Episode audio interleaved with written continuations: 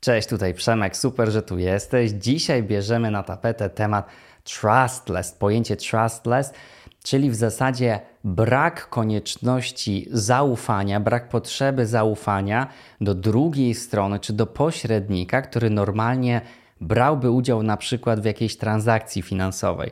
Czy to w ogóle jest możliwe? Czy możemy tak funkcjonować dzięki konceptowi Web3, dzięki zdecentralizowanym finansom, sieciom P2P, czyli peer-to-peer i blockchainowi? Czy możemy pracować, działać z kimś komercyjnie, kogo w ogóle nie znamy, o kim nie mamy zielonego pojęcia? O tym wszystkim w dzisiejszym odcinku. Zapraszam.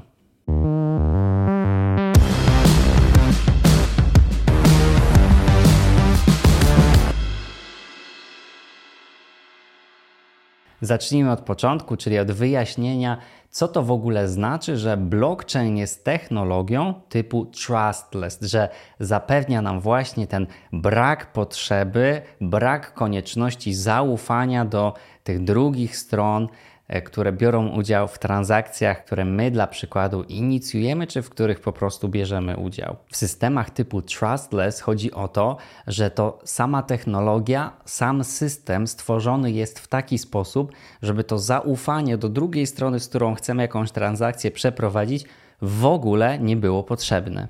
O tym, jak to odbywa się technicznie, technologicznie, opowiadałem w szczegółach w odcinku o blockchain, także sprawdźcie go koniecznie.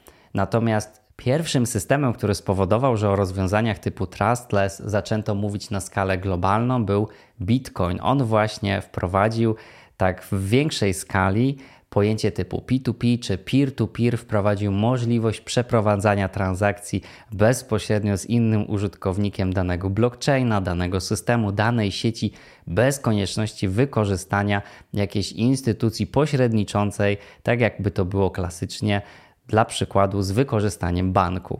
W takiej sferze czysto biznesowej można sobie wyobrazić, że to jest pojęcie, które naprawdę stawia rynek na głowie.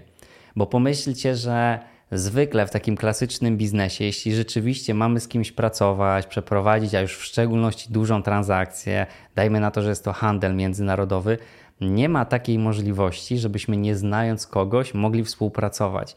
Dlatego tutaj, szczególnie w erze intensywnie rozwijającego się handlu, lata temu wzrosło tak bardzo znaczenie banków, tych instytucji zaufania publicznego, instytucji, które mogą rzeczywiście pogodzić interesy tych obu stron, jeżeli dajmy na to rozmawiamy o jakiejś dużej handlowej transakcji, Jedną stroną jest firma ze Stanów Zjednoczonych, drugą firma z Azji, one się nie znają, to tutaj właśnie bank zapewnia to zaufanie, bank zapewnia tą pewność, że wszystko odbędzie się zgodnie z założeniami.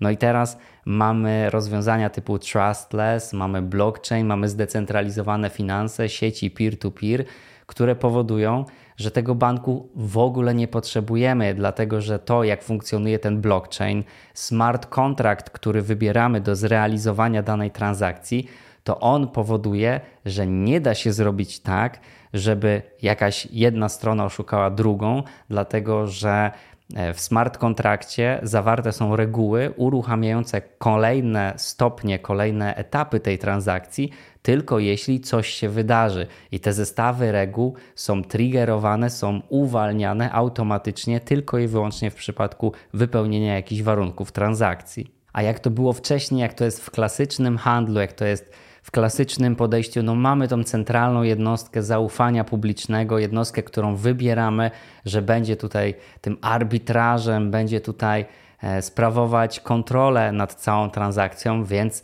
tego typu transakcje absolutnie nie są pozbawione konieczności zaufania, bo o ile bankom jako dużym jednostkom oczywiście ufamy, no to też ostatnie miesiące pokazały, że różnie to może być, więc taki koncept, w którym w ogóle nie potrzebujemy tego pośrednika przybijającego pieczątkę i kontrolującego całą sytuację, zdaje się naprawdę stawiać rynek na głowie. Jeśli chcecie się dowiedzieć, jak to wszystko powstawało razem z powstaniem Bitcoina, nagrałem o tym osobny materiał, do którego bardzo serdecznie zapraszam.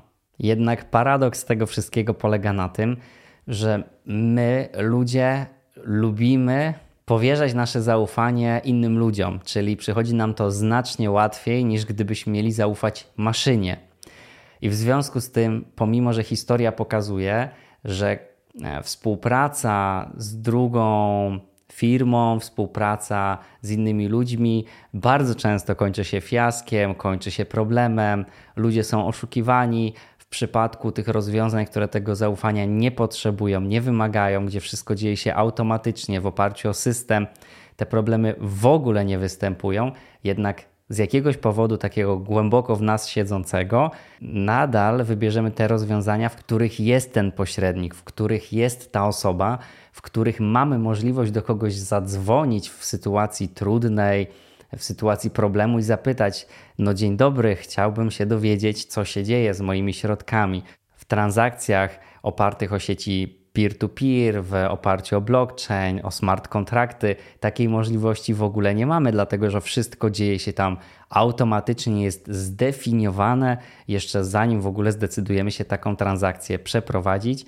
No i dzieje się w zasadzie tylko i wyłącznie w warstwie systemowej. Jest to niezwykle ciekawe, dlatego że to w jaki sposób blockchain został stworzony, jak funkcjonuje, jak wysoki poziom bezpieczeństwa, pewności, że ta transakcja dojdzie do skutku, zabezpieczeń oferuje, no to, to powinien być taki no-brainer. W zasadzie w ogóle nie powinniśmy się zastanawiać i korzystać z tych rozwiązań, które są tak maksymalnie bezpieczne, a jednak cały czas mamy w głowie, że jest to maszyna, że jest to jakiś system, że ktoś to jednak napisał i coś tam może nie zadziałać i wolimy po prostu współpracować z ludźmi, nawet jeżeli oznacza to e, narażanie się na jakiś tam czynnik ludzki w sensie potencjalnego błędu.